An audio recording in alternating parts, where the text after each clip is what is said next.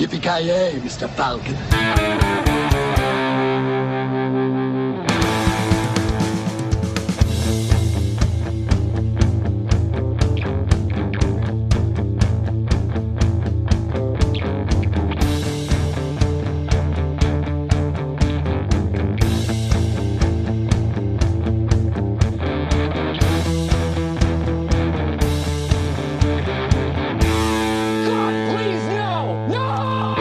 Ja men hjärtligt välkomna säger vi då till veckans avsnitt av denna podd som vi kallar Creative Meltdown Podcast. Ni vet ju att det är så att de starkaste överlever och därför har vi valt att kicka två stycken medlemmar ur podden. Så att det bara är de starka som är kvar. Jag och eh, uh, Mr Kent. God dag. God dag, god dag. Ja, det var en blodig uppgörelse här, eh, men eh, i slutändan var det ingen snack om saken så att säga, i slutändan. Nej, nej men tänk så måste, the weakest link måste vi kutta av. Så deras tid, deras tid var över, tyckte vi. Ja, jag tror det är fördel både för oss och för lyssnarna att slippa höra deras eh, hemska stämmor i fortsättningen. Att Ja.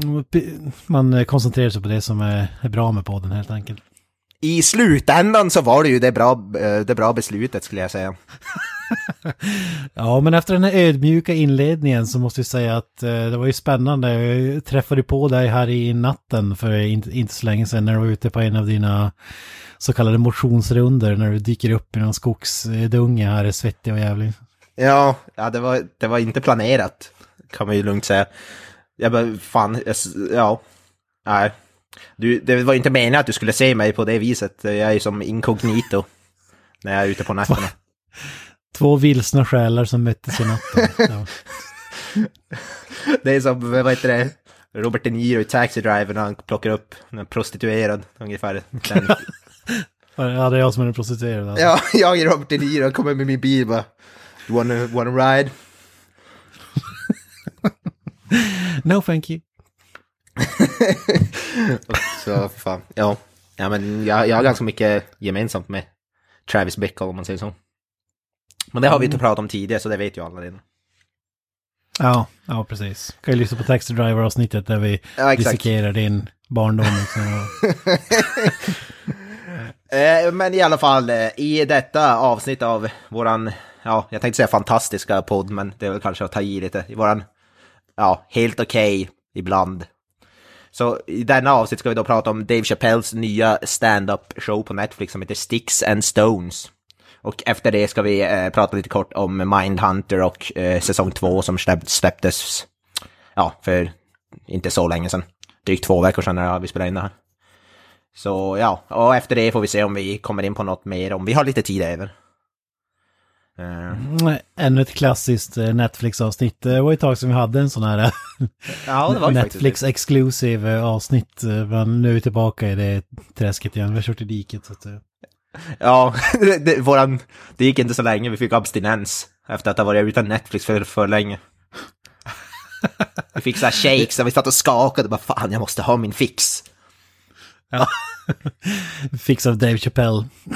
Ja, faktiskt. Eh, men du hade, du hade någonting annat du ville ta upp innan vi började?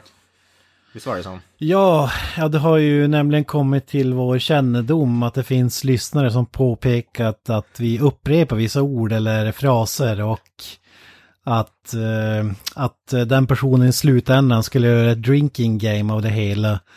Något som jag i slutändan skulle vilja kalla för så kallade tics i slutändan. Jag har ingen aning om vad du pratar om i slutändan, om jag ska vara så att äh, eh, helt ärlig i slutändan.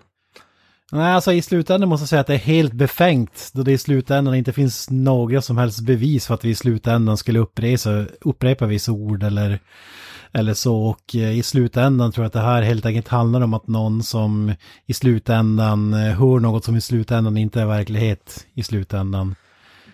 Men så hur, att... hur ser äh, du på det här, Mr. Voya, i slutändan alltså av, eh, i slutändan? Finns det i slutändan något ord som i slutändan brukar upprepa i, i slutändan? Alltså, Alltså, så att, alltså, så att i slutändan så tycker jag det här känns som en sån referens till, till den här personen som kommenterande, förut att, han- ja, i hans liv kanske han i slutändan använder och upprepar olika ord och försöker då projicera det på oss i slutändan. Jag tycker i slutändan att vi inte har någonting med det här att göra i slutändan. Nej, i slutändan tycker jag att det är väldigt orättvist att hänga ut oss på det sättet. Och i slutändan så är det ju starten på något som i slutändan kan leda till, ja, slutet helt enkelt i slutändan. Jag tror att han bara är ute efter checkt, eh, checka referenser och checkt material, den här personen. I slutändan. ja, ja för fan. Ja, det är checka, check, checka slutänder hit och det är checka slutänder dit. Det får man ju säga. Ja. Men i slutändan så, ja. Så befängt helt enkelt i slutändan. Alltså i slutändan kan jag inte komma på vilket ord det skulle kunna vara i, i slutändan alltså. Nej. Så vi får, ja, du, du användare som eh, kommenterar det här, du får gärna återkomma och i slutändan berätta för oss i slutändan vad det var du menade för check, checka ord och referenser vi använde, använde så att säga. I ja, i slutändan, i slutändan undrar man vad det är för dolt mönster som man i slutändan har liksom påstått sig se. För att i slutändan kan inte jag säga någonting som pekar åt det hållet i slutändan. Och gud ja, det kan jag i slutändan hålla med om. Gud ja. I slutändan. Men vi går vidare med det här konceptet då i slutändan. Ja, det här konceptet i slutändan leder ju utsikt in på eh, Netflix och i slutändan en Netflix-special som i, är i koncept av Dave Chappelle i slutändan. Det sjuka är att nu har programmerat om min hjärna så i slutändan kommer jag säga i slutändan vartannat ord här. För att nu är i, i slutändan så handlar det om mind games som den här personen i slutändan har projicerat på oss som vi i slutändan drabbas av. I slutändan skulle man ju kanske säga att vi skulle behöva hjälp av en mindhunter. Badumts. ja, jag kan väl tycka att det är i slutändan och tar det ett steg för långt i slutändan alltså. Ja, men konceptet är ju som så att det är svårt att sluta. Åh gud ja. I slutändan. Ja, det, mm, ja i slutändan är det det som är grejen. Men, ja, men... Dave Chappelle. Dave I slutändan Chappelle. en komiker från USA. Väldigt känd komiker. En av de kändaste i slutändan, ska jag säga. Han har gjort ett, ett koncept av att skämta på scenen. Och, om det är någonting jag står med på Mans standup att han säger i slutändan hela jävla tiden. alltså det är, i slutändan är det så rätt sjukt hur mycket i slutändan han säger jävla hela tiden. Jag säger, jag säger, han säger inte på engelska utan han säger på svenska. Ja. I, i slutändan. säger så här, in the slutändan it's like this. Shut the fuck up. Åh oh, herregud. Nej men det här ja, konceptet till stand-up show då. Som ja. då Mr Dave Chappelle pratar om. Sticks and Stones tror jag den heter i slutändan. Mm, I slutändan tror jag att du har rätt faktiskt. Eh, det är ju hans, vad blir det, tredje, fjärde Netflix-specialen och sånt. Oj, nu ställer jag mig på pottkanten här. Eh, I slutändan kan jag inte, tyvärr inte svara på exakta siffran, men eh, minst den... en har kommit ut tidigare. Jag tror att, två, tror jag. Ja, två eller tre, men han har gjort några stycken i alla fall jävligt hyllade. Eh, jag, jag tror till och med vi har pratat om dem i podden tidigare, ja. vill jag minnas. Jag tror vi körde ett dubbel, alltså jag pratar inte om dem för jag, jag har ju aldrig sett någonting med Dave Chappelle förut. Det är ju kanske lite kontroversiellt att säga i den här podden. Ja, det, ja, det är sjukt. Jag, jag och eh, Kalle som i slutändan inte kunde vara med idag, eh, eller som i slutändan har kickats. Fått sparken. Ja. ja, precis. Eh, är ju superfan av Dave Chappelle. Jag tror även Granström förresten. Så det, det, det är perfekt att... att jag är den som ska vara med i det här avsnittet. Ja, ja. ja. Dave Chappelle-specialen. Men hur, hur kommer det sig att du inte har sett något med honom? Är det bara en slump eller är det medvetet ja. val? Ja, nej, det är bara en slump. Det är inte, absolut inget medvetet val. Eh, har alltid haft koll på vem han är, men aldrig haft koll på han, vad hans material och, sånt, och så vidare. Det enda som jag sett med han är ett avsnitt av Comedians in Cars Getting Coffee, den här Jerry Seinfelds show. Och där han med ett avsnitt. Och, alltså då så fick man ju se lite så bilder, de hade med några sekunder så av hans standup och ja, det såg väl roligt ut, men jag vet inte. Förutom det så har jag inte sett någonting av. I slutändan är det väl det man förknippar honom med minst, typ. Ja, ja, jo, det är väl det. Men ja, det avsnittet tycker jag var bra, riktigt bra, så det kan jag också rekommendera om man gillar Dave Chappelle och kolla in det avsnittet. Det är riktigt intressant om man vill liksom komma in lite djupare. Då är det, det är inte så mycket komedi, det är mer som en intervju nästan. Att de snackar ju, sitter och snackar och dricker kaffe typ. Men ändå faktiskt eh, jävligt intressant. Men vad som är intressant med Dave Chappelle, eller för, för, för min del, att jag brukar ju, jag tycker inte om stand-up som du vet.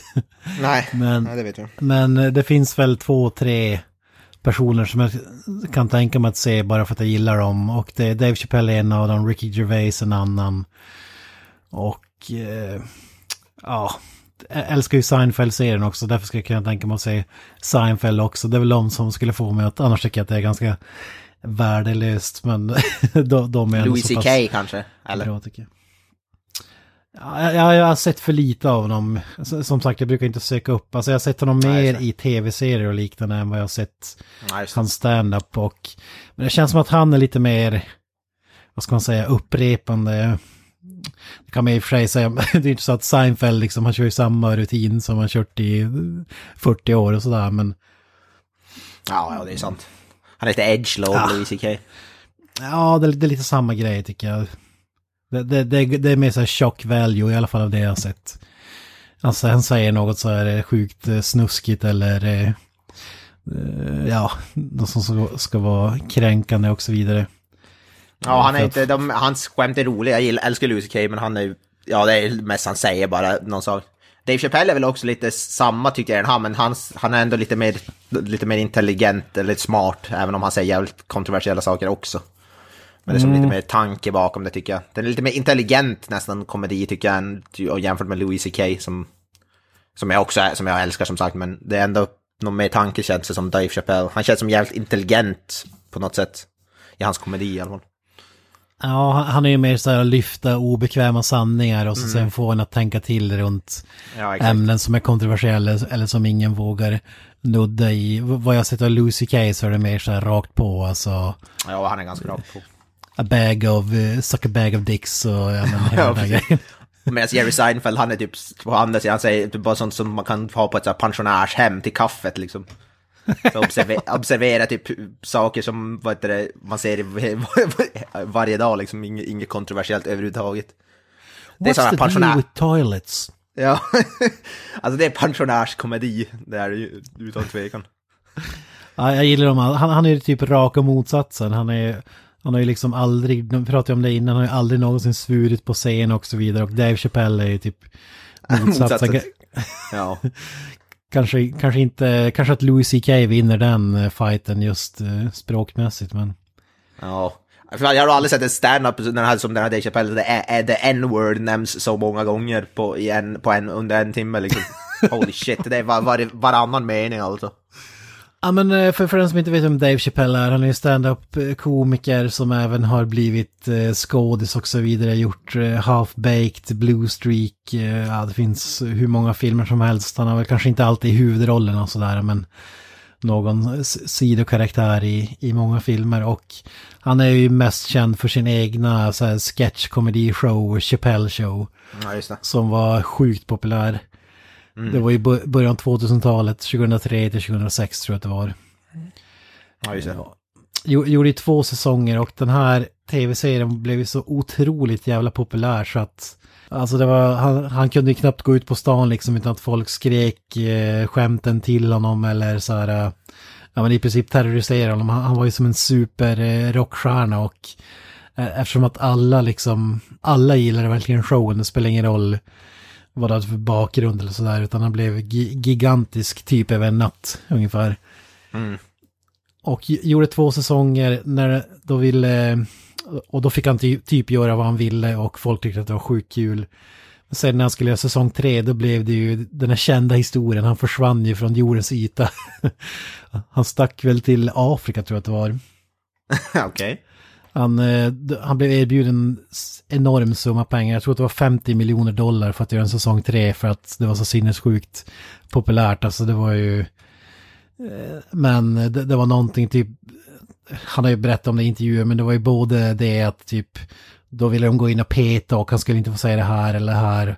Och sen var det sådana enorma förväntningar och han, han tyckte inte att det var kul längre med, med pressen och sådär. Så att han, han sa ju typ att ja, men pe pengar är inte allt. Så han sa fuck it och så åkte han till typ Afrika och rökte hasch i x antal år tills han dök upp helt plötsligt på så Letterman tror jag att det var. så. Ja, på, det är väl då han började med stand-up lite mer seriöst antar jag också. Ja, då kom han tillbaka. Han hade gjort några så enstaka framträdanden tror jag. Under mm. de här åren, bara helt random, oannonserat. Och, men nu, nu är han liksom tillbaka, så det är jävligt kul att han är tillbaka i alla fall. Ja, han släpper ju mer stand-ups än någon annan. Jag tycker alltid, var, var, var, var, varje halvår typ såhär, en ny Dave Chappelle special typ. Det som släpps ju hela, hela jävla tiden, känns det som. Ja. Han, är jävligt, han är jävligt aktiv. Men han är uppenbarligen bra så det, det är väl bara kul antar jag. Ja, ja. Jag, jag har ju som vi, sagt vi, inte drar, sett någon vi, drar annan. ju, vi, vi drar ju referenser till den här Chappelle Show hela tiden med Rick James-sketcherna och med Prince och Charlie Murphy och hela den här grejen. Alltså, Ja, just det, den, ja. är, den är fortfarande sjukt eh, relevant. Alltså, och har man inte sett dem så, om, om man kan få tag i dem så rekommenderar jag att se Chappelle Show. Det är sinnessjukt bra. Alltså. Ja. Ja, ja. ja, jag har ju som sagt inte, jag har inte sett någon annan av hans stand-up heller. Och de finns ju till och med på Netflix, och vi är ju Netflix-podden så jag vet inte, det är ju lite skämmigt kanske. ja. ja, precis. Det första jag märkte med den här var, det är ju roligt för då, trailern till den här är ju, är ju, har ju narr narrating av eh, Morgan Freeman, trailern till den här, det var ju det första jag märkte. But. His name is Dave. Alltså, This is Dave. He tells jokes for a living. Hopefully, he makes people laugh. But these days, it's a high stakes game. Hmm. How did we get here, I wonder? I don't mean that metaphorically. I'm really asking. How did Dave get here? I mean, what the fuck is this? But what do I know? I'm just Morgan Freeman. Anyway, I guess what I'm trying to say is if you say anything, you risk everything. But if that's the way it's gotta be, okay, fine. Fuck it. He's back, folks. enda som hade gjort det bättre var om det var Samuel, Samuel L. Jackson som narrator. Ja, ja, oj, oj, oj. Ja, han är han är en välkänd imitation av Samuel L. Jackson också under Chappelle Show som också har blivit en grej. Samuel L. Jackson! Ja, det må- måste ju se det bara för det, fan. Det låter ju magiskt. Ja, går man in på YouTube så fastnar man i den där eh, spiralen. Man kan inte ta sig ut ur den, man kan inte sluta säga sketchen liksom. Ja, fan. Men eh, nog hyllat, vad, vad, om man skulle dra i kortändan, vad handlar den här stand-upen om? Alltså den handlar om en hel del olika grejer, men han tar ju upp många som du sa, så här, lite i, som jag antar är lite av hans signum då, som jag förstått det, så här obekväma grejer och försöker, men har väl ändå någon som intelligent tanke bakom det. Så det är mycket så här, det är mycket pedofili och det är mycket, vad heter det, vapen, våld i USA och det är, ja vad fan pratar mer om, så här, vad heter det, eh, LBGTQ, alltså, så homosexuella och så vidare, transpersoner, och det är mycket sådana ämnen eh, som han, ja, han säger jävligt kontroversiellt, jävligt metoo-rörelsen pratar han ju också om. Ja, Louis CK tar han väl upp också bland annat. Ja, exakt. Att han tar upp Louis, det är inte så rättvist det de gjorde mot Louis CK. Han typ satt och runka i ett rum, i sitt rum framför massa personer och sen blir folk typ på honom som hökar. Han tyckte inte det var riktigt rättvist med, mot Louis CK. Ja, det var jä- jävligt kul. Alltså, he was masturbating in his own room where you're supposed to masturbate. Ja. Och pratade jag om också Michael Jackson, den biten tyckte jag var jävligt rolig faktiskt. Michael Jackson-biten i i början pratade han om den. Ja, den, den har ju tagit upp tidigare också, Michael Jackson och O.J. Simpson och alla de här.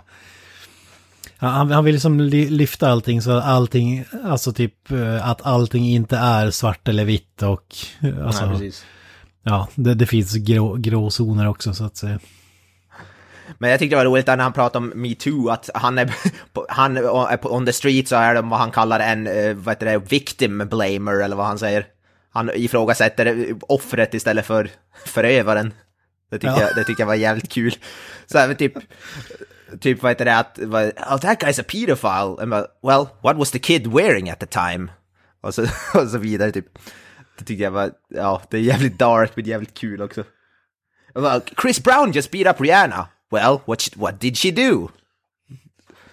Ja. Så, så, ja. Men det är mycket sådär, jävligt kul, det, det, det tyckte jag var jävligt kul faktiskt. Men det är också det där med Michael Jackson typ, ja okej han kanske tallar på några barn, men kom igen det är Michael Jackson. Ja. Alltså. Att Ugge kommer till skolan nästa och bara Jack, what happened this weekend? What happened my weekend? Michael Jackson just sucked my dick, that's what happened. Ja.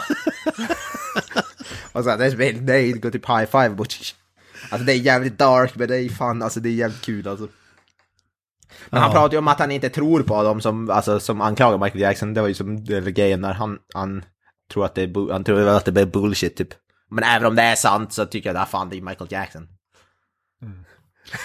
He likes to look at people's buttholes också, pra- pratar ju jävligt mycket om. Att han gillar att inspektera folks anus. Ja, fan vad kul det var. Alltså han tar upp R. Kelly och så typ, ah, I can't defend him eller vad man säger. Ja. That guy sure, sure did it. det, där, där finns en eh, dokumentär, jag tror det, ja, det kanske är på SVT, typ, We, Those Who Survived, R. Ja, han sa Kelly eller något sånt där. ja, Surviving R. Kelly, han pratade ju om den. Kelly. Mm. De, frå- de frågade ju, någon, någon som frågade om han ville vara med i den. Han blev ju tillfrågad om att vara med i den. Det, det är typ att eh, i den förklarar de typ att R. Kelly, artisten, då har eh, i princip så här Charlie Manson-style eh, hjärntvättat en massa unga tjejer och liksom tvingar dem att ja, ha en hink som toalett och typ bara sitta inlåsta i ett rum hela dagarna och Typ sexslavar och sånt där. ja, det är som en sekt av något slag eller vad man Ja. ska kalla det. Jävligt obehaglig, jag har sett den också. Jävligt eh, sjukt alltså. My- mycket som man är förvånad över att man inte har läst eh, mer om när det har hänt i Ja, jag har också Så- hört lite om det. Men det är Dave Chappelle säger att han är 100% säker på att R. Kelly gjorde det, att han är, att han är skyldig. Det är- Ja, ja, ja men där, där är det som clear cut. Alltså det är en sak han lever, man kan visa hur saker och ting är nu. Hade Michael Jackson levt idag hade man ju kunnat eh, reda ut det på ett bättre sätt, men nu gör jag inte det. Ja, exakt. Och jag måste säga att jag har ju sett den här dokumentären och jag tror vi pratade om den också, om Michael Jackson, de här snubbarna som bara berättar hur de blev molested och så vidare. Men eh, det, det är så jävla svårt sånt där. Och jag sa redan då att man kan som inte säga, men då lutar det mot att det de sa var sant för att det var så sjuka grejer och så mycket i detalj och sånt där. Ja. Men vad man har förstått i efterhand så är det inte lika glasklart att det är sanningen och det är det som är problemet och det är det jag tycker att han är bra att han lyfter eh, de här grejerna att man liksom Ja, bara för att man tror att det är på sig, eller blir anklagad för någonting så är det inte säkert att man har gjort det. Nej, Alltså. exakt. Men det är därför jag säger att han har som intelligent komedi. Alltså han har jävligt mycket tanke bakom. Och det gillar jag ändå, för han säger jävligt många grejer som jag, som jag ändå håller med om. Det där med metoo, att man ska inte alltid, bara för att någon anklagar någon så är det inte säkert på att de har rätt. Man, måste, man ska inte bara tro på allt direkt, som i första eh, handvändning så att säga. Mm. Men det är så jävla kul, där med vi, vi, I'm, I'm what's on the street called a victim blamer. Den, den bilden tyckte jag var sjukt rolig alltså. Ja, det är sjukt kul. Den har ju givetvis, när, man tänker se den här, då, då man, man känner ju direkt vilka bitar som folk i USA främst, eller så här moral, eh, eh, personer skulle rasa över och de har, har ju verkligen gjort det också, men när, när, när man sitter och tänker man, okej, ja okej, det här, det här går nog inte hem hos alla. När han pratar om typ, ja men det här med Michael Jackson och Ja, nej fy fan. hela den där biten. Ja. Nej fy fan, jag, kunde, jag satt ju och skrattade men samtidigt så bara, åh fy fan, han sa inte det där alltså. Ja. Alltså, lite så att man sitter och vrider på sig i stolen, lite obekvämt, men det är ändå jävligt kul. Man skäms nästan lite att man skrattar åt, åt vissa grejer tycker jag. Men ändå så garvar man åt det. Ja men det är så, det är obekväm sanning eh, fast det är ändå kul alltså. Ibland kanske man känner sig träffad själv men det är ändå gjort på så bra sätt att det är roligt liksom. Det är mycket typ sådär ibland- ja. rasgrejer också. Det bara när han typ så pratar om att han är fa- fattig när han var liten och så säger bara I would gladly show my anus to Michael Jackson to get out of this shithole. så jävla, det är så jävla kul alltså. ja. ja, det belyser grejer som man inte hade tänkt själv kanske. Jag vet inte. Ja. Ja, jag vet inte. Han pratar om många sådana där obekväma ämnen, men det är så ja, jävligt kul faktiskt.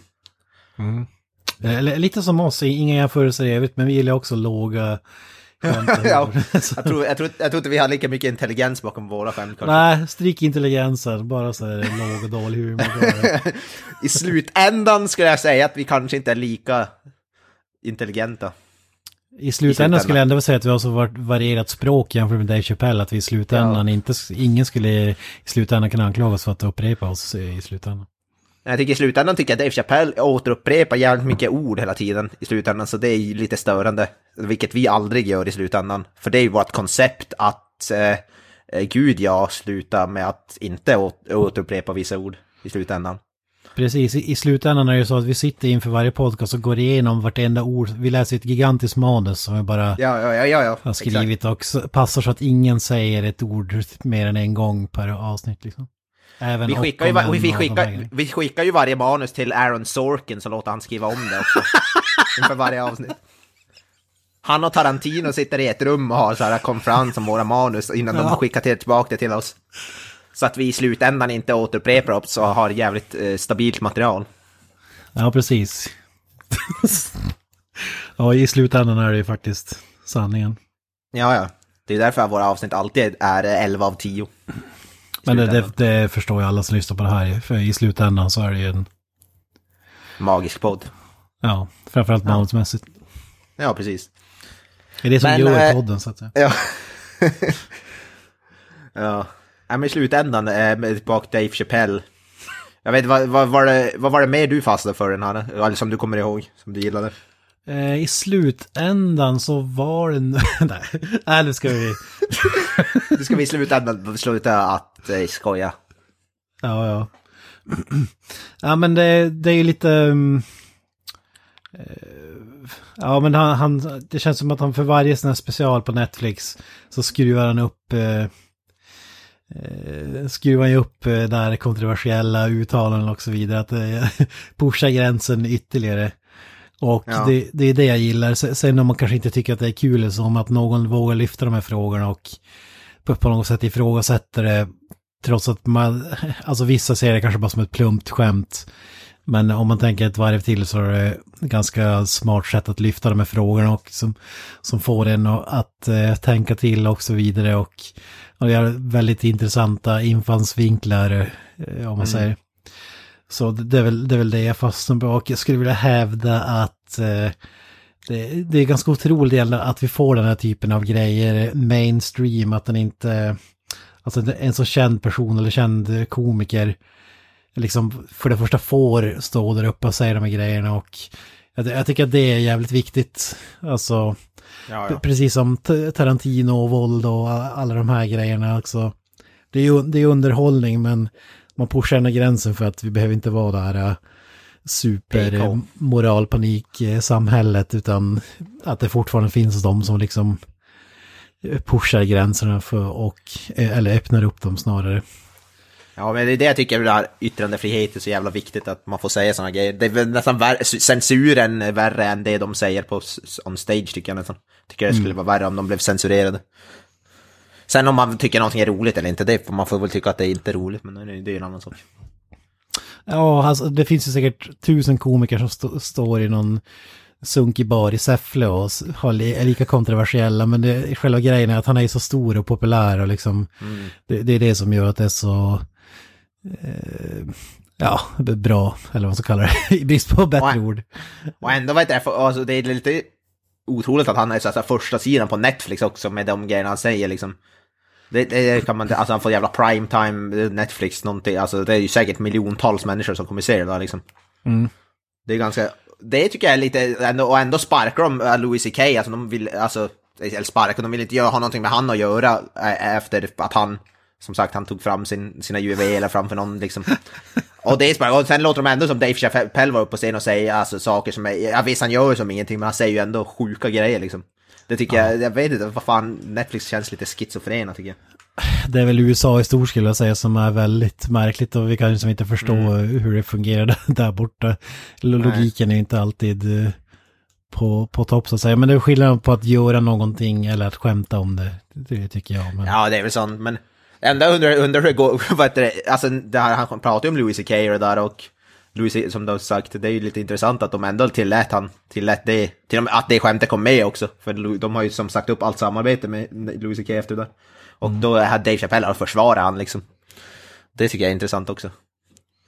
Ja, men man kan säga det fanns ju att Netflix plockar bort dem från Netflix det är ju liksom ingen påverkan alls. Alltså, det är ju inte som att gå ut och liksom, vad ska man säga, begrava honom. Nej, inte som typ Bill, Cos- då- Bill Cosby-nivå typ. Nej, precis, det har ju andra gjort på betydligt värre sätt. Så att, Ja, ja. att de behöver slippa kontroversen och den här eh, stormen efter metoo-grejen så är det väl inte så jättekonstigt kan jag tycka. Nej. Nej, det är väl förståeligt i och för sig. det är väl enkla beslutet då. Sen när det har lagt sig kanske, kan- han kanske dyker upp igen liksom. Det, det är ju så det funkar. Alltså, man, Ja. När det har gått ett tag, då, då är det helt plötsligt frid och fröjd igen. Ja. Ja, så är det ju säkert. När alla har glömt bort vad som hänt. Men ja. Michael Jackson och så vidare. Ja, ja, ja precis. Alltså det är det han pratar, säger, vad heter det, Dave Chappelle där. Michael Jackson's been dead for 10 years and he has already, and he still has two cases against him, eller vad han säger. Ja. Det, som att folk ger sig på den här jäveln eh, tio år efter han har dött liksom. kan man ju förstå om man är liksom offrets förälder eller offret själv. Man Ja, ja, ja, vill ha någon men- slags upprättelse, men ändå. Ja, men alltså, ja. Alltså, I alla fall tycker jag att man eh, ska kolla på den här, även om man inte tycker han är rolig så tycker han tar upp så många grejer som man kan, som man får så tankeställare om. Så bara för den sakens skull tycker jag nästan det är värt att se det. Jag tycker samma, han och Ricky Gervais tycker jag också är lite på samma nivå, även om jag tycker Dave Chappelle är lite smartare. Men jag tycker Ricky Gervais har många sådana där bra punkter också. i- Alltså den standupen som vi pratade om i alla fall eh, för ja, ett tag sedan. Han har också eh, många sådana där, så han är lite på samma nivå. Men jag tycker Dave Chappelle är nästan ännu smartare känns det som. Ja, han tar ut svängarna mer om man säger så, även om Ri- Ricky Gervais också gör det. Men det är Ja. det, det jag gillar med dem, liksom. det, det är inte bara ett skämt rakt upp och ner, alltså, utan Nej, precis. det är något större. Alla teman som Ricky Gervais har på sina shower och så vidare, jag, jag gillar de grejerna. Sen det man såg lite på Ricky Gervais är att han gör ju, hade ju en polare som var såg honom live när, när han var i Stockholm och han, alltså han berättade liksom att allt var så jävla inövat att har man sett stand-up showen på liksom DVD eller Netflix eller någonting, han typ Ja. skrattar på exakt samma ställe, gör exakt samma grej, alltså det är som en så här, Ja, just det. man, det är inte spontant någonting utan allting är liksom enligt ett manus liksom till punkt och Ja, det är lite, det är lite tråkigt tycker jag nästan. Mm. Det tycker jag är roligt, de som improviserar lite grann. Och I den här är det ju lite sånt, för det är han som integrerar lite grann med publiken, Dave Chappelle. Liksom, där på en sida ringer ett mobiltelefon och så gör han det så skämt om det liksom. Ja, just Det det. tycker jag det var kul bara. What if we're joking about now? And then he's like, Mama's dead! Like, ah! Ja, Det var jävligt, det var jävligt kul tycker jag. jag tänker vad morsa är det- död, att det är därför de ringer liksom. Ja. Det är för att faktiskt Louis CK har lite sådär också, inte jättemycket men lite grann. Så jag tycker ändå det är, lite roligare när det inte bara är helt inövat. Liksom. Ja, men det, det är grejen i den, när du ser Ricky Gervais eh, showen, då, om du inte har sett det innan, då har du ingen aning om att det är så. För att det är så Nej, nej, nej, precis. Och Nej, det är så så, det kan, ju, det kan ju vara så med Dave Chappelle också, han kanske har kört exakt samma, men det känns bara så jävla avslappnat och så vidare. Att, Ja, eh, det, kan, det kanske alltid är det. det. Kanske är någon cue alltid att det är så här, mobilen ska ringa just då. Ja. Då ska jag skämta om det.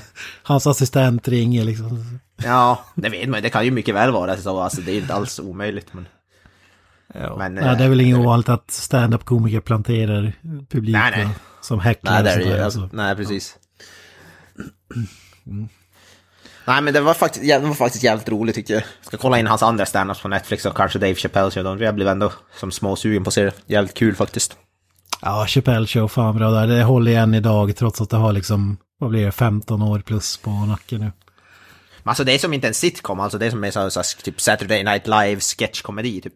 Ja, det, det är bara sketcher. Alltså det är, det, du har liksom ingen handling eller så, utan det är bara massa random Nej. grejer som är sjukt roliga. Ja, just det. Det är, ja, det är jävligt bra. Det, är inte som så här Seinfeld eller avsnitt av Vänner eller någonting, utan Nej, nej, precis.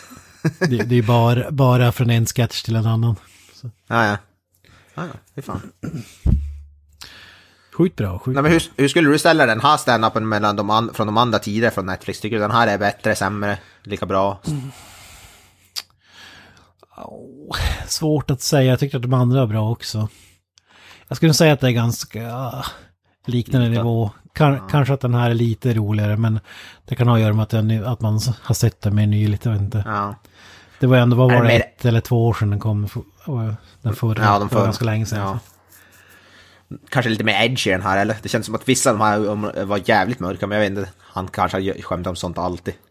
Ja, som- ja, det gör han. Som, eh, som sagt, Michael Jackson den här tog jag upp. ja precis. Den också, så... Ja, ja kanske att den här är eh, 0,1 bättre än de andra. Nej, men, ja, just eh, det. Ja. Det är jävligt Vad jag, exakt. minns, vad jag minns så skulle jag inte säga att, den, att det är liksom gigantisk kvalitetsskillnad eller någonting. Utan jag skulle bara säga att det är mer av samma bra skit så att säga. Ja, just Ja, ja. ja I men jag- slutändan är det jävligt bra. Ja.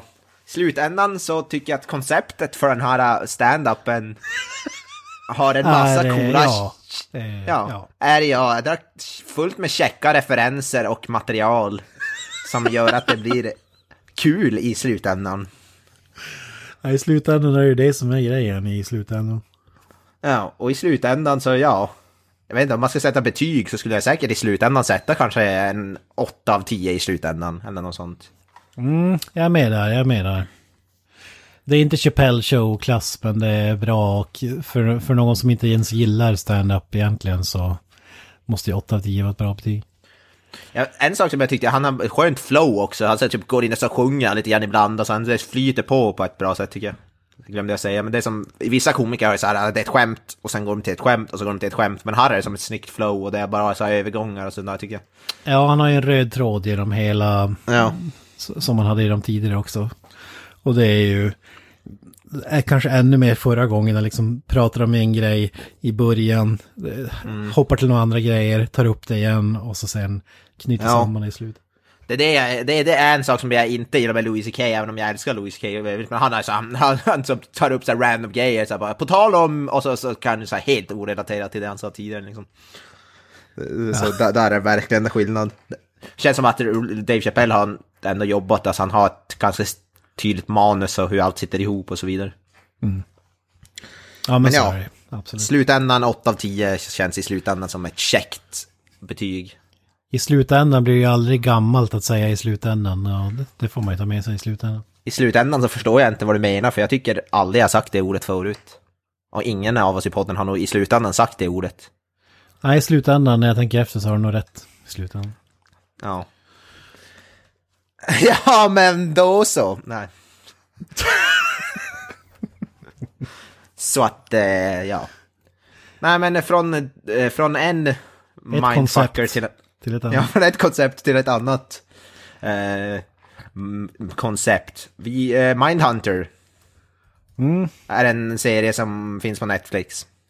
Skulle du säga mindfucker där eller vad skulle du säga? Ja, jag tänkte säga från en mindfucker till en annan. James Chappelle fuckar ju med minds. Så jag tyckte... Ja. Så jag tycker det passar. Men eh, säsong två av Mindhunter släpptes för, ja, dagar sedan. January 1974. They just moved in two months prior. My partner and I were first on the scene. He was feeling for a light when something bumped him. That's when we found the little girl hanging from this pipe.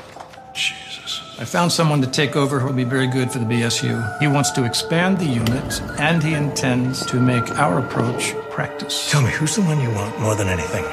Manson. I'll get you, Manson. This is $100,000, and it's all yours if you help us identify the persons behind the murders of our children in Atlanta. Another child reported missing in Atlanta. Sending you both. I want you there for the duration. So all these children, one killer. I believe that to be the case. It's statistically rare for serial killers to cross racial lines. It's also statistically significant that the Klan kills black people. You get him out of there. If he blows this, Gunn will rethink his investment. I'm asking you, as the leader of your department, what did Holden say that so offended the city? We need to stay focused. If you're distracted, I have some things to deal with at home. It's personal. She had someone else's underwear stuffed down her throat. It's 10:30. Do you know where your children are? this is one predator. What if you're wrong? I'm not. You arrogant, self-serving twerp. We can't have tunnel vision, Holden. What evidence is there to suspect the Klan? Son, we've got 19 dead black children. You telling me that's a coincidence?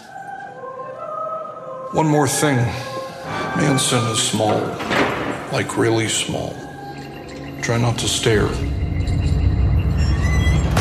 Eh, ja, Du har sett hela säsong två, jag har sett ett avsnitt av säsong två, så jag är inte lika caught up.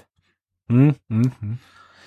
Men, eh, vad, ja, säsong två, vad, vad tycker du?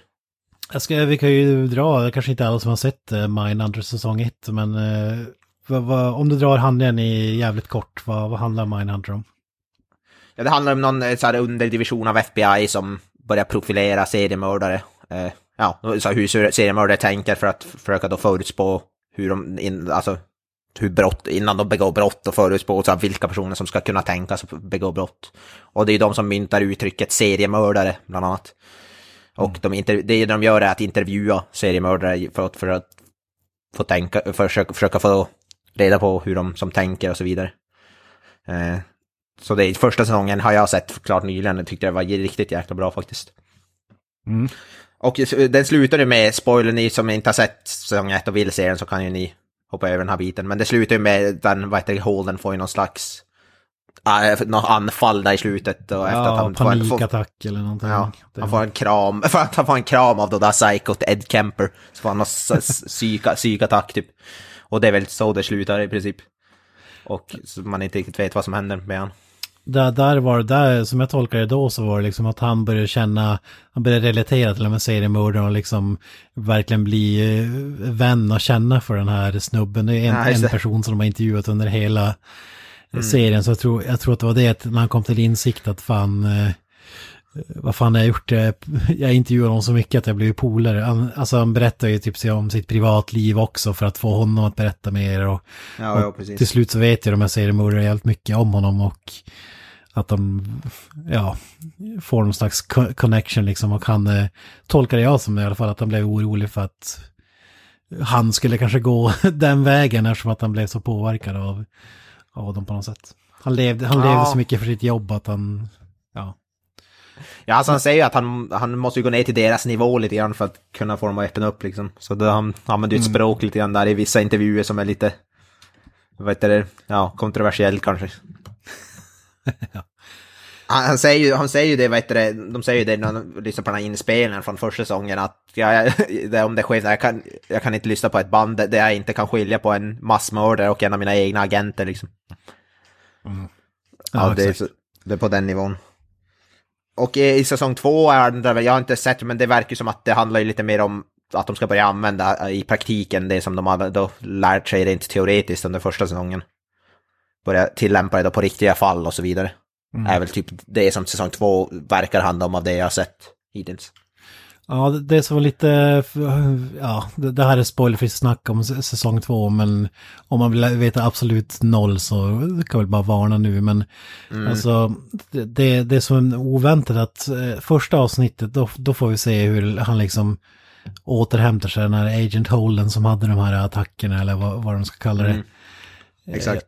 Men sen, man tar aldrig ens knappt upp det resten av säsongen, så att jag skulle tro att antingen har de klippt om någonting, klippt bort saker eller eh, ja, att de kände att det, det var ingen bra idé att gå in med i säsong två eller så är det någon sån här payoff i säsong tre kanske eller någonting men det, det var jag ganska förvånad över faktiskt. Vi får ju ett avsnitt, anfall till i typ första avsnittet där när de är på, mm. vad heter det, eh, avskedsfesten, eller avsked, retirement party för den här FBI-chefen och så börjar han skrika på honom när, när han går ut liksom. Ja, precis. Han, han, det, det är enligt, ja, jag kör. Ja, nej, nej men det, det, det är det sista vi ser av den grejen liksom. Men mm. fortsätt. Jag tänkte säga det är för att han, han, hans, enligt han är det väl Holdens fel att han behöver gå i pension. Han ville egentligen inte gå i pension, men man får väl, jag vet inte om det, det kanske är någonting de går in på med sen, men han säger inte exakt varför, men någon, det sättet Holden har betett sig och det var väl det här, de blev ju undersökta av någon jävla division i, ja, jag vet inte, mm. behavioral grej och därför måste han då avgå den här chefen för att det inte ska bli problem typ. Ja, det, det, det var det som var grejen i säsong ett, eftersom att det här var så nytt, liksom att man skulle studera seriemördare, att det var många som eh, alltså fick så här, vad i helvete håller ni på med? Och det, ledningen och så vidare i FBI var ju inte helt såld på idén, men till slut lyckades de övertala dem att man faktiskt kunde få, få ut någonting av det. Men... Ja, precis. För om det, det tas upp flera gånger att liksom någon kan få sparken om man godkänner det här eller att det kommer ut att de har gjort det här och Ja, Mm. så de gör det lite i smyg. Eh, och säs- säsong två då är det mer så här öppet i dagsljus, liksom vad, vad de håller på med. Då börjar folk känna till det mer på något sätt. Ja, det är ju i första avsnittet, de får ju en ny, de får ju en ny chef som är lite mer välkomnande och ger dem bättre, bättre kontor och så vidare, mer pengar typ och ja. De säger ju också i första avsnittet det, han, vet att han ska fixa Manson, alltså Charles Manson, så att han får intervjua han och jag har ju sett bilder och sånt där så det, får man, det kan man väl säga ganska med säkerhet att han gör senare i, i säsongen också. Att han snackar med Charles Manson och så vidare. Mm. Eh, ja, ja, för de får ju en chef där och som, nu kommer jag inte ihåg vad han heter men det är inte så viktigt. Som är lite mer öppen då och lite mer forthcoming och så vidare. An anställa fler folk och så vidare så de... Ja, som du säger, det är lite mer i, i rampljuset än det var i säsongen. Istället för att vara nere i källare så får de som blir med riktig division av FBI då så att säga. Mm. Men jag vet inte, du som har sett hela säsong två, vad tycker du om den? Eh, Jag tycker fortfarande att det är riktigt bra, men däremot det blir lite av en helt annan serie eftersom att, som du nämnde här, man förflyttar sig från, i den första säsongen var det mer om det här mentala liksom och karaktärerna och de intervjuar han eh, Ed Kemper, här eh, Mm. killen som spelar honom är helt eh, fantastisk tycker jag, tycker han är... Ja, han är skitbra. Fan det är bästa med hela serien. Ja, han är så jävla creepy och som snäll på samma gång typ. Ja. Han skådisen om någon vill inte säga, han är även med jävligt bra i en serie som heter Umbrella Academy, så den kan jag rekommendera. Han är riktigt bra där också. Jag vet inte vad skådisen heter, men han är med där i alla fall. Han har en ganska stor roll i den se- Net- Netflix-serie. Cameron. Britton heter Cameron Britton, precis. Han är, han är med i Umbrella Academy, han är väl riktigt bra där också. Mm. Ja, han är, Ja, han är ju det han är bästa i säsongen. Han och, vad heter det, Ho- Holt, han som spelar Bill Tench, han, de tycker jag, och jag, alltså jag tycker väl alla är bra i den här serien i och för sig, det är väl ingen som är dålig direkt. Nej. Men Nej, nej. de, det, det är triumf, de, de, den trion, de tre är bäst i säsongen. Definitivt. Mm. Ja, han, han som spelar Bill Tench, han... Eh, Holt McCallany, han är väl mest känd för att han hade en cameo i eh, Justice League. Justice League. Ja. I början av filmen när han springer på en jävla Ja, hustak precis. och så dyker Batman upp. Och, Ja, precis. Nej, men han är en riktigt bra skådis också, Holt. Jag tycker han är ri- riktigt jävla bra. Bill är min favoritkaraktär i hela serien, tror jag. Mm. Han passar jag helt bra i den här rollen alltså. Ja, Då är det som sagt eh, mer fokus på själva, som du sa här, att man ska lösa casen och så vidare. Man får se hur de använder det i praktiken. Och jag tycker att för, första säsongen saknade, hade behövt kanske lite mer case och få se utredningar och sånt där så att det blir lite intressant. Eh, Men nu, nu är det liksom, nu är det för nästan... mycket. Ja, det, det, det tippar som över till en standard kriminalserie nästan. De ska utreda ett se- seriemord och sådär snarare än att det är Ja, eh, just där, som var intressant i den första med mentala aspekterna och karaktärerna och eh, hela den där biten. Nu, nu är det lite mer fokus på fallet än karaktärerna i serien och de gångerna de väljer att fokusera på karaktären så är det inte lika bra som i första tycker jag. Nej, nej. Men jag, jag tycker absolut, det är absolut sevärt och eh, riktigt bra. Jag sträck såg den nästan i princip, så, så bra var den. Men det, det är liksom bra på ett helt annat sätt än vad den första är. Så om man, eh, om man satt och väntade på att de skulle börja utreda ett fall, eh, kanske inte liksom morden i midsommar eller Beck-style, men nej, nej. Så, så kanske man gillar den här säsongen bättre om man tycker att det var liksom tråkiga stunder i, i den första. Men jag tycker att de tråkiga bitarna var de bästa bitarna. Om man säger. Är det, är det Bill som är Mickey P-varianten i den här serien eller? Ja. ja, han är, han är ju Gu- Gunvald-typen, helt klart. Ja. det är lite mer rough, ska spöa upp dem och... Nej, jävlar. Hans crew-cut-frilla. En sak som är rolig, som vi nämnde ju det här i eh, Once upon a time in Hollywood-avsnittet, att vi, samma skådis som spelar Man, Charles Manson i de, den filmen spelar ju Charles Manson i den här serien. Mm. Vilket, jag, vilket är ju intressant. Da- Damon Harriman tror jag han heter, eller något sånt där. Nå, någonting åt det hållet. Och det, är- det är jävligt intressant. Ja, man kan väl säga att ha inte för höga förhoppningar på Manson-delen i den här säsongen. Alltså. Han har ju mer repliker än i Once upon a time in Hollywood, men det är inte... Inte med stor marginal. Nej, precis. Ja, jag tycker det var intressant att de tar samma skådis till Han blir som, som vi sa i det Ja. typecastad som Charles Manson. Ja, det måste vara det mest eh, sjukaste exemplet på typecast. Att bli typecastad som en specifik seriemördare liksom. Det känns... Ja. Det är jävligt ni- nisch typecast han har lyckats ta sig in i. ja, ja. ja det, det Han måste... kunna bli... Han kan ta, in så här, på parties för att cosplaya som, vad heter det, Charles, istället för att hyra en clown så hyr man han till att spela Charles Manson. Han är kung på Halloween. Party. Ja. alltså, mur- jävla Murder Mystery Party. With Charles Manson. Fan. Det, fan, det, det måste ju fan ha varit så att, ja men den här snubben är uppsminkad och klar, det behöver ni någon Charlie Manson Ja, typ, typ. så här, bara. Ja, exakt. Ja, precis. Bara rakt över gatan bara. Kan, kan du bara ringa till han? Kan komma Så- över? Blocket-annons liksom. Han har en sån egen, egen hemsida där han är bara helt dressed up som Charles Manson. You can you hyr mig som Charles Manson. I 24 timmar för 500 dollar. Charles Manson cosplayer. Once upon a time, once a, one time deal. Ja. Fan. Det bara så advertisement överallt på vad heter det? Facebook och sånt där. Man ser hans face. Ja, vad kul. Mm. Ja men eh, helt klart det är värt, men om jag skulle vara tvungen att välja så tycker jag att säsong ett är den bättre. Även om det är fortfarande bra. Ja. Men så, så vad heter det, så, så, så, som du sa, det, de, de hade lite bättre blandning av det här case och det här, vad heter det, intervjudelen typ, eller vad? Ja, det, det, jag skulle säga att säsong ett har ju nästan tippat över åt andra hållet, att det är för lite case i den. Ja, ja. Och fokus här och istället för att hitta liksom perfekta mixen så, så tippar man nästan över åt andra hållet. Alltså lite så skulle jag vilja säga. Ja, okej.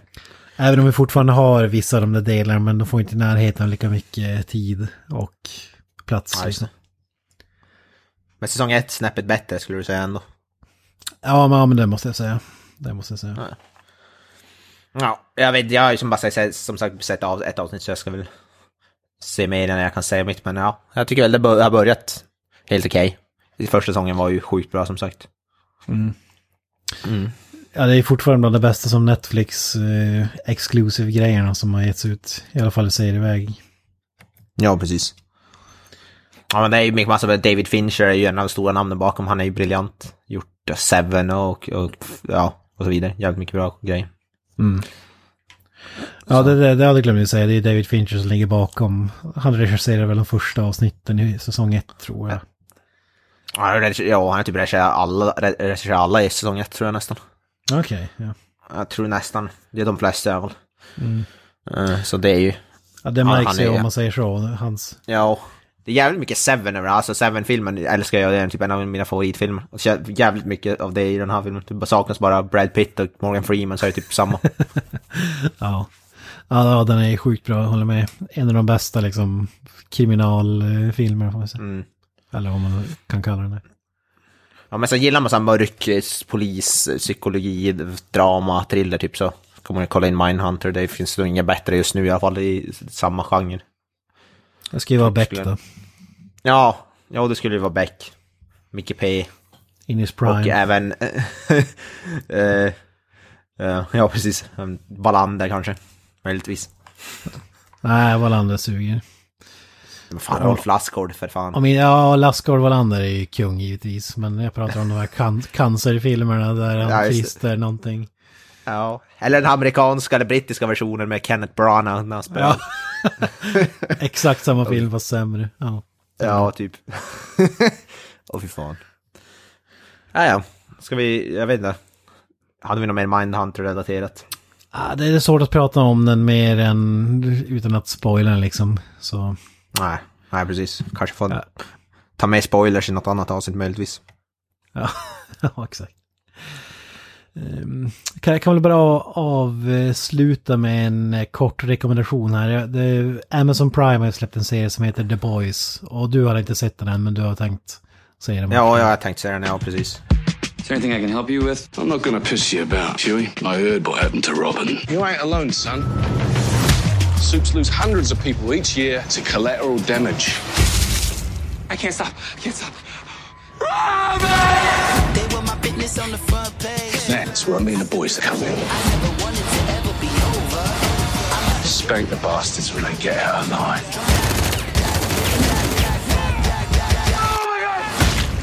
Can you control her, please? You need to unclench your asshole. Why are you two carrying on like a bunch of fucking twins? I'm invincible, stupid motherfuckers. I'm the world's greatest superhero. I can do whatever the fuck I want. We're on the verge of nailing these wankers. Oh, I'm done. Oi, what's Sporty Spice up to? Who? Sporty fucking Spice, what's she up to? I don't know. And baby, not even page six of the Daily Mail. You see, when they're apart, they're absolute fucking rubbish. But you put them together, they're the goddamn fucking Spice Girls. The point is, we need each other. We're fucking dead in the water. Jesus, he gives the worst pep talks. He really, really does. Det är väl typ så här Watchmen, mörk superhjälte-ish serie. Vad jag har förstått. Ja, en, mörk komedi med Watchmen, det var länge sedan jag såg den, men det, det är ganska jämförbart. Den var ju mörk och hade väl en del humor vill jag minnas. Ja, ja men det är absolut, det har den. Den här är väl nästan mer åt komedihållet kanske. Eh, Alltså en ja, sjukt mörk eh, serie liksom som... eh, Men, men grej, grejen med The Boys, kan ju, kan ju bu- backa bandet lite. Det är ju, vi har ju pratat om den tidigare sådär och Granström har ju läst serietidningar, jag har inte läst dem. Eftersom jag inte läser den typen av grejer så har jag dålig koll på det. Men eh, Carl Urban är med, podd, poddfavoriten. Ja, Judge Dredd himself. Ja. Spelar ju Billy Butcher, eh, en av huvudkaraktärerna. Och så har vi Anthony Starr, eh, spelar eh, The Bad Guy. Eh, Homelander heter hans karaktär. Och Anthony Starr är känd från Banshee. Som Ja, just det. Ja. jag skulle påstå är den mest underskattade tv-serien någonsin. Om man gillar eh, våld och actionserier så är den eh, brutalt bra. ja, just det. Ja, den har du ju nämnt tidigare. Ja. Mm. Eh, Sjukt att den inte har fått mer uppmärksamhet. Och så har du även Jack Quaid som spelar eh, The Good Guy som av en slump eh, hamnar i det här superhjälte superhjälteträsket. Han är en vanlig människa liksom som Mm. hamnar, det, det pågår liksom ett krig där Anthony Starr leder ett gäng, typ Justice League eller Avengers-aktigt. Jag kommer inte ihåg vad de kallar den här uppsättningen med. Men som, som visar sig vara liksom en PR-front för att super, superhjältar finns på riktigt men eh, de försöker vinkla allting och liksom har PR-nissar som spinner till allting ifall något går åt helvete och Ja, just det. ja, det visar sig att det är inte så eh, Stålman eller Captain America som man kan tro. Eh, Och eh, en som vet om det här det är Carl Urban som är någon slags, eh, ja, vad ska man kalla det, detektiv kanske att ta i, men eh, han är så här, eh, inte Punisher heller, men alltså någon som tar la lagen i egna händer, men eh, har en bakgrund inom polis eller FBI eller något, något åt det hållet. Någon Ja, det. Ja. organisation och eh, ja, det, det är jävligt kul alltså för att den här är liksom kommentering på superhjältefilmer idag också.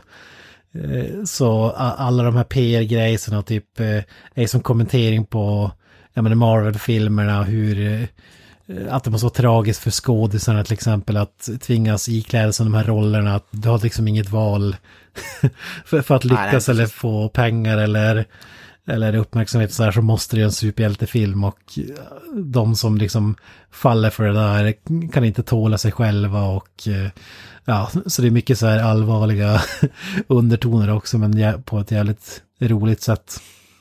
Ja, ja, precis. Visst, det, handlar väl om Carl Urban leder någon grupp av icke-superhjältar som typ ska hålla dem i check, riktiga superhjältar typ, eller något sånt där. Är inte något sånt? Ja, precis. Eller man får, den första säsongen i alla fall handlar väl mer om när den gruppen sätts ihop.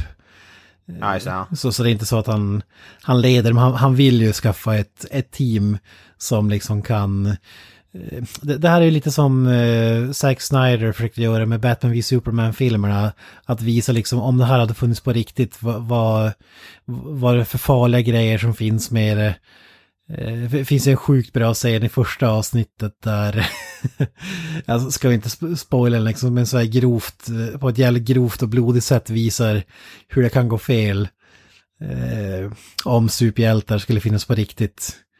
Ja, ja. Och eh, vad konsekvenser kunde det bli? Och sen det här med att som Carl Urbans karaktär vill lyfta som de gjorde i de filmerna. Att vad fan gör vi om Stålmannen liksom bestämmer sig för att eh, utrota jordens befolkning? Vi kan inte göra ett piss, vi, vi kan ju ha inget att sätta emot liksom. Eh, så, så därför vill ju han hitta någon sån här motvapen för att kunna stoppa dem.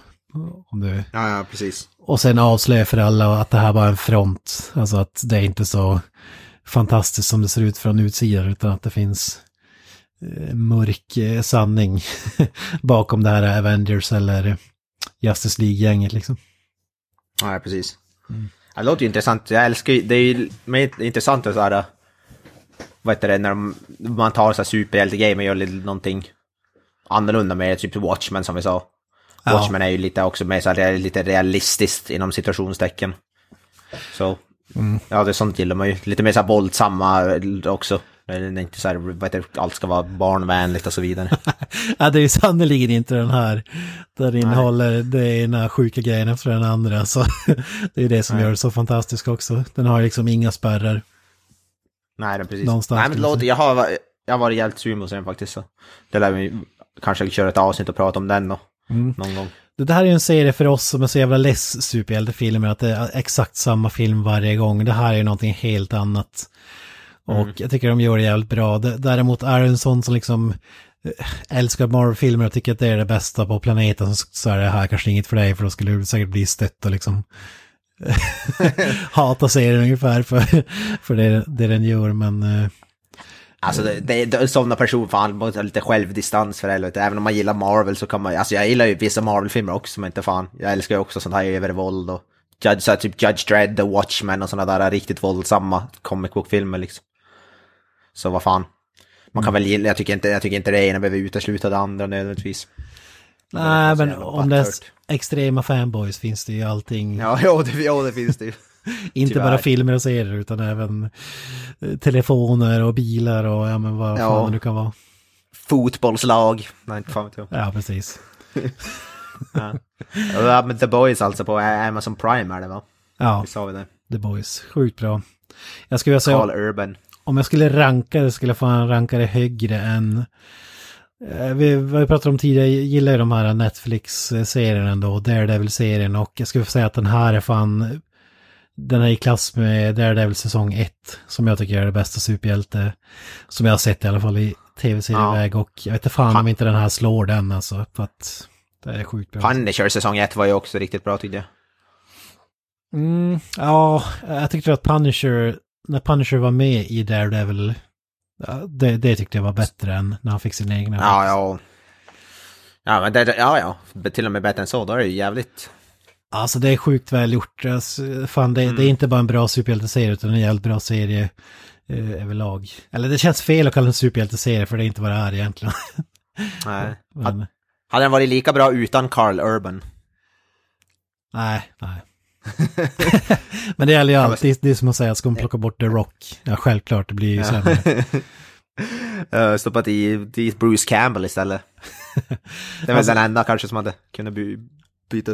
Ja, exakt. Bruce Campbell istället för Carl Urban hade varit 10 av 10. Ja, exakt. ja. Nej, men Carl Carl Urban är givetvis eh, stjärnan i showen tillsammans med Anthony Starr skulle jag säga som gör det eh, jävligt bra också. Men samtidigt hade inte Carl Urban varit med så hade jag ändå tyckt att det var jävligt bra för att det är liksom inte det som är grejen med serien utan eh, man älskar liksom att man lyfter fram det här, eh, som jag säger, kommenteringen på vart eh, filmvärlden är på väg idag och även samhället och lyfter fram det här, vad fan hade hänt om serie, serie eller superhjältar hade funnits på riktigt, alltså riskerna och så vidare och hur fan hade vi kunnat stoppa dem? Det, är, det utforskar den här serien miljarder gånger bättre än vad, vad, man tyck, vad jag tycker att de gjorde i eh, Batman v Superman och de där filmerna. Hmm. Så stark recommendation. Jag läser här, heter det, vi pratar ju om den nya Shaft-filmen. Han, uh, ungen där från Shaft som spelar huvudrollen är med i den här serien också säger jag. Ja. Jesse T. Usher. Han spelar någon sån här uh, The Flash-aktig figur. Ja, fan. Som springer supersnabbt. saknas, bara, saknas det ju bara Samuel L. Jackson i den här serien så hade det ju varit komplett. Ja, precis.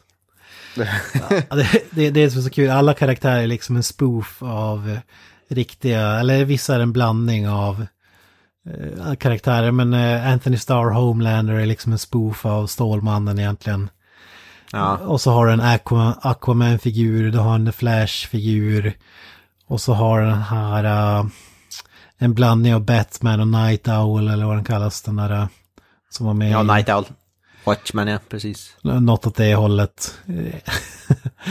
och så, ja, alla möjliga, Wonder Woman och så vidare. Det var all, allting sånt, så det är jävligt kul. Men just Jesse T. Ushers A-Train, den storylinen är jävligt bra tycker jag. Ah, nice. Jag ska kollas in så fort som möjligt.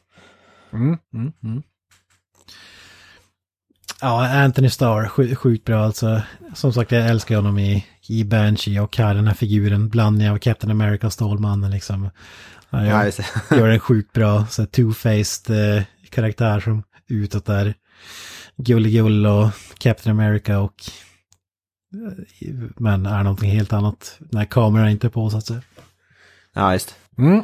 Jag, jag tänkte nämna, eh, på tal om så här våldsamma superhjältefilmer, så eh, vi pratade jag och Kalle i förra avsnittet om Joker, fick ju en R-rating, och nu har det börjat komma upp recensioner på den. Jag tänkte det var bra övergång att nämna, men den har ju fått jävligt bra recensioner, bara nämna, fått jävlat femmor och tior av alla publikationer i princip. Ja, det är så alltså. Ja, den har blivit superhyllad, den har typ så här, vad fan var det, i snittbetyg så här 9, någonting av 10, av 10 typ eller något sånt där. Ja. Eh, så det, är- det skulle tydligen vara supervåldsam och det är så mycket Oscars-buzz när från Joaquin, Joaquin Phoenix. Mm. Den fick så här åtta minuters standing ovation på någon filmfestival nyligen eller sånt där. Och det fick ju Clerks 2 också liksom. Det... Ja, ja, jag vet. Ja, jag, jag, vet, jag älskar det, den det, filmen, det behöver inte betyda att det är ett mästerverk liksom. Men... Jag eh, tycker, det är jag tycker alltid är så, här filmfestivalen, oh, that- that movie got a five minute standing ovation. Det är typ alltid som alla filmer. Så det ska man väl ta med en nypa salt kanske. Det, det här med superhjältefilmer och att det är liksom Oscar-buzz innan det kommit ut, det, har, det är mig dåliga vibbar. Man tänker ju på liksom Black Panther, eh, Avengers, Endgame och, och allt vad de nu heter, det har snackats om det innan. Alltså, som, men, men den här ser faktiskt ut att vara någonting helt annat. Och det har de ju sagt själva att det ska vara något sånt här Taxi Driver-aktigt snarare än superhjältefilm.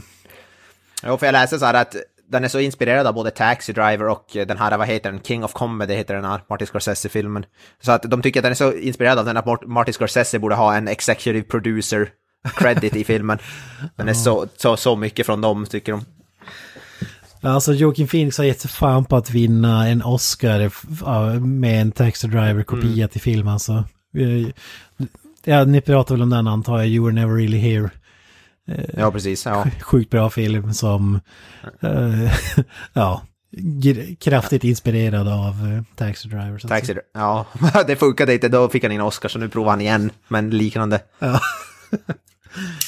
Ja, Men det är jag, borde ju- jag är lite skeptisk till filmen för jag tycker att jag har det John, Carpers, John Carpenters insättet att alla de här karaktärerna behöver inte förklaras, alltså vi klarar oss utan det. Det är bättre att vi liksom lägger ihop i vårt huvud och fantiserar om vad, vad man kan ha varit med om när den blir den han är. Men det, bara, bara för det så behöver det inte betyda att det är en dålig film, men gillar inte riktigt det här konceptet med origin stories på det sättet kanske, jag vet inte. Grejen med Joker är att det finns ju 500 olika origin stories för han och sådär. Det, finns, det har väl skrivits i oändlighet så det, det är väl fortfarande där det är så här up, up in the air vad som är... Det finns väl ingen så här canon eller officiell riktigt. Vad jag läser så skulle den här filmen inte ha någon stark koppling alls till någon serietidning som skrivs utan det här är med liksom Taxi Driver-fokus att det skulle vara den Ja. här Killing Joke eller någonting utan Ja, det är väl Killing Joke som är närm... Ja, exakt. Det är väl Killing Joke som är närmast, men den är väl fortfarande väldigt löst baserad på den skulle jag vilja säga. Mm, mm. Men det vore ju intressant om han vann Oscar, för då för Heath Ledger vann ju också för, för Jokern och om nu Joaquin Phoenix skulle vinna skulle det vara rätt intressant att båda vann en Oscar för Jokern liksom. Men vad krävs att det ska vinna tror du? Att han dör innan Oscars delas ut eller? Ja, ja typ. Lite Chappelle Ja. skämt här om Heath Ledger. Ja, det är fan det alltså. What- What's he gonna take from to win the Oscar? He's gonna hang himself. Ja. gonna hang, hang himself. Det lät exakt som ett Dave Chappelle-skämt alltså. Kan du vi, du ser ju, vi har fan kvalitet alltså. Ja, ja, ja. Nej, jag tänkte bara att det var intressant att det hade lite koppling till The Boys, de våldsamma comic book movies. Ja, Jared, det var ju tur att Jared Leto inte tog det steget innan hans film kom ut om man säger. Säm, sämsta Jokern någonsin typ. Uh, ja, jag, hade inte velat se den här filmen med Jared Leto, det kan jag lugnt säga. Jag gillar Joaquin Phoenix mycket, mycket, mycket mer som skådis kan jag lugnt säga. Ja. Utan att säga någonting om Jared Leto, men... Ja, Jared Leto skämde ut sig i den här filmen tycker jag i alla fall. Eller om det var manuset som gjorde att han skämde ut sig. Det kan, Ja, vet man inte. Bara, bara hur han såg ut och hur han spelade rollen tycker jag det var bedrövligt. Men kanske inte bara beror på honom som säger. Ja, det väl, kan väl låta vara osagt. Mm. I don't know. När vi ändå är inne på gammalt stuff kan jag bara avslutningsvis säga att det blev lite förnärmande när jag hörde prata om The Mandalorian, Star Wars eh, tv-serien. Ja. Förra avsnittet. Ni missar ju poängen. Alltså, det här är ju det man har väntat på. En, eh, en serie som utspelar sig i Star Wars-universumet på en planet som vi känner till, Mos Eisley och så vidare. Fast med en ny karaktär. Det, det var ju det jag hade velat se i Force Awakens och så vidare. Man gjorde det idiotiska beslutet att kopiera eh, alla de här ko- planeterna och världarna, kopiera dem och sätta, dem ett helt annat, sätta ett helt annat namn på dem. Och så har du ändå en sandplanet, en isplanet och så vidare. Det, det, Ja, det. det var ju rent idiotiskt. Det hade ju varit mycket bättre övergång om vi hade fått se alla de här ställena vi känner till sedan tidigare och sen här en ny story utspelas där. Det hade ju gjort jä- Ja, ja. jävligt mycket. Istället för att liksom halvt twista alla typ stormtroopers och den här typen av grejer och fan, jag är ri- riktigt pepp på den här. Alltså allt jag sett och läst om den också eh, ser, ser riktigt bra ut. Werner Herzog är för fan med. Och Pedro Pascal spelar ju The Mandalorian, bara det. Ja, ja. Och, och de verkar ju köra den här uh, dread-grejen att han liksom har eh, masken på sig hela tiden. I alla fall att döma av trailern. För, hade varit coolt om det hade varit Ja. så i... Ja, jag hoppas Precis det som också. Boba Fett. Med undantag för prequel-filmer liksom. Ja, men det det jag sa i det förra avsnittet också. Det känns lite som en sån western-serie fast i Star Wars-miljö typ. Så Wild West nästan. Ja men det är precis det där. Och Ja. Rated R, det har väl någon som fan halshuggs i trailern till och med. Alltså, den, här kommer ju vara råare, den kommer ju vara mer åt Rogue One-hållet än någonting annat. Jag hoppas på ännu eh, mer våldsamt. Att, och man har liksom Ja. filmat allting med miniatyrmodeller och så vidare som man gjorde första Star Wars-filmerna och sen satt in dem i eh, med CGI och sådär. Men alla rymdskepp och sådär ska ju vara eh, handgjorda modeller. Så bara en sån sak Ja. är ju jävligt coolt tycker jag. Ja, jag är, jag är faktiskt också sjukt taggad på den här. Jag tror det kommer bli bra. John Favreau är det som ligger bakom den. Mm. Och jag tycker ändå han, han ligger bakom typ den bästa Marvel-filmen, i alla fall första Iron Man. Så han är ju, han, han har väl gjort Cowboys and Aliens kanske inte är lika bra, men han har gjort en del bra grejer i alla fall. Ja, bortser man från slutet på den filmen så är det ju riktigt bra tycker jag. Jag håller med Ja. att det är den bästa. Ja. Men han, han har inte jättebra track record i övrigt måste man säga. Han har gjort mycket skit, alltså Djungelboken och eh, alla de här. Ja, han har börjat hamna i något Disney-träsk när han varit både Lejonkungen och Djungelboken, det vet jag inte. Han fick väl, pa- paychecken var väl alldeles för stor för att han skulle kunna säga nej säkert. Jag tänkte säga, de backar väl upp en lastbil med pengar och dumpade på hans gård liksom och sen var han fast i Disney. Jag, jag kan väl inte säga, hade jag fått samma så hade jag gjort det även om jag, även om jag inte gillar, är superfan av Disney. Men hade, fått, hade jag fått nog med pengar så hade jag fan gjort vad fan som helst liksom. Så jag kan väl inte klandra han allt för mycket kanske. Vi ska inte glömma att han gjorde Cowboys and Aliens också. Nej, exakt. Nej, det är ju en min, min, det är mindre bra film. Han har dock, en, för att tala om Netflix, han har en bra eh, Netflix-show som, alltså jag som gillar min guilty pleasure i matlagningsprogram, han har ju The Chef Show på Netflix Mm. som jag tycker är riktigt bra om man gillar sånt. Jag tänkte just lyfta så- filmen The Chef som serien är en spin-off av kan man säga. Ja, precis, ja. Chef, ja. Den har inte jag sett faktiskt, jag har bara sett showen, men den ska ju tydligen också vara bra av vad jag- det jag har hört. Mm, det är lite så här varmhjärtad eh, familjedrama, komediaktig Ja. grej. När han liksom ska lära sig, eh, han är en kock som jobbar på något supertjänstställe men bestämmer sig för att starta en sån här food truck-grej. Mm. För att eh, få ut sina kreativitet och så vidare. För att hitta glädjen till matlagningen igen. Tycker jag. Det är rätt sjukt, han är rätt många stora namn i den här filmen också. Robert Downey Jr är väl med i den, och Scarlett Johansson och så vidare. Mm. Dustin Hoffman. Han, han ringer ju in alla tjänster i, i den här filmen. Ja. Ja, det är ett sjukt att de är med i en sån liten, ganska, nästan indie, alltså den filmen kan ju bara ha så indie-budget nästan kan jag tänka mig. Men det är väl skådisarna då som drar upp, all- drar upp all, äh, sk- vad heter det, kostnaden men att ändå de, han får med sådana stora namn i en sån liten film, det är ganska imponerande. Ja, man ska säga att de stora namnen är inte, det är i princip cameos i den filmen så det är inte så att de tror inte att det kostar så mycket att ha med dem så att säga. Nej, nej. Jag har också kikat lite på Chef Show faktiskt. Tyckte att det var lite tråkigt. eh, Alltså det var ju halvintressant men det är ju det är bara så här Marvel-personer som blir är med och liksom lagar mat och blir intervjuade. Känns det som. Ja, mycket bara men ändå med en sån del komiker. Bill Burr är med i ett avsnitt bland annat. Mm. Alltså stand-up-komikern Bill Burr och, och så vidare. Så jag tycker ändå det är... Och han är med i många så kända tv-kockar. Dave Chang tror jag han heter, en jävligt känd tv-kock som har också ett Netflix-show liksom. Eh, och så den här snubben från YouTube, Bab- Bingin with Babish, är ju en känd YouTube-matlagning, mat, eller kock, som är jävligt känd och han är med i ett avsnitt också. Och så vidare. Så jag, jag tyckte om den, jag som gillar så här matlagningsprogram, jag har sett alla avsnitt av den, så jag tyckte den var faktiskt riktigt underhållande. Om Ja. man gillar att se på mat, folk som lagar mat. Mm. Är det han Roy. Choi? Var det han du nämnde eller? Choi. Nej, ja Roy, ja, han, det är ju hans, vad heter det, det är ju hans som, ass, eller inte assistent, det är väl han som är nästan, han, som är är väl bättre än John. Ja, han som är kocken. Men han är med Dave Chang heter, vet du, den annan känd som han har som gäst i ett avsnitt också, han är jävligt känd. Uh, vad heter Okej. det?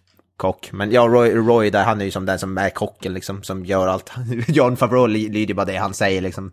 Ja men det, det var lite kul för att det var han Roy, snubben här, det var ju han som lärde honom laga mat till filmen Chef. Där John, Ja, det, ja, John. Favreau Ja. spelar den där kocken. Så det är lite kul.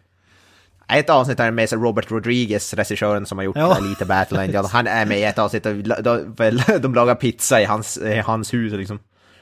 Det är, det är ganska underhållande tycker jag. Ja, när han visar sig här på bakgården har lite Battleline spelats in och så är det liksom... Ja, typ.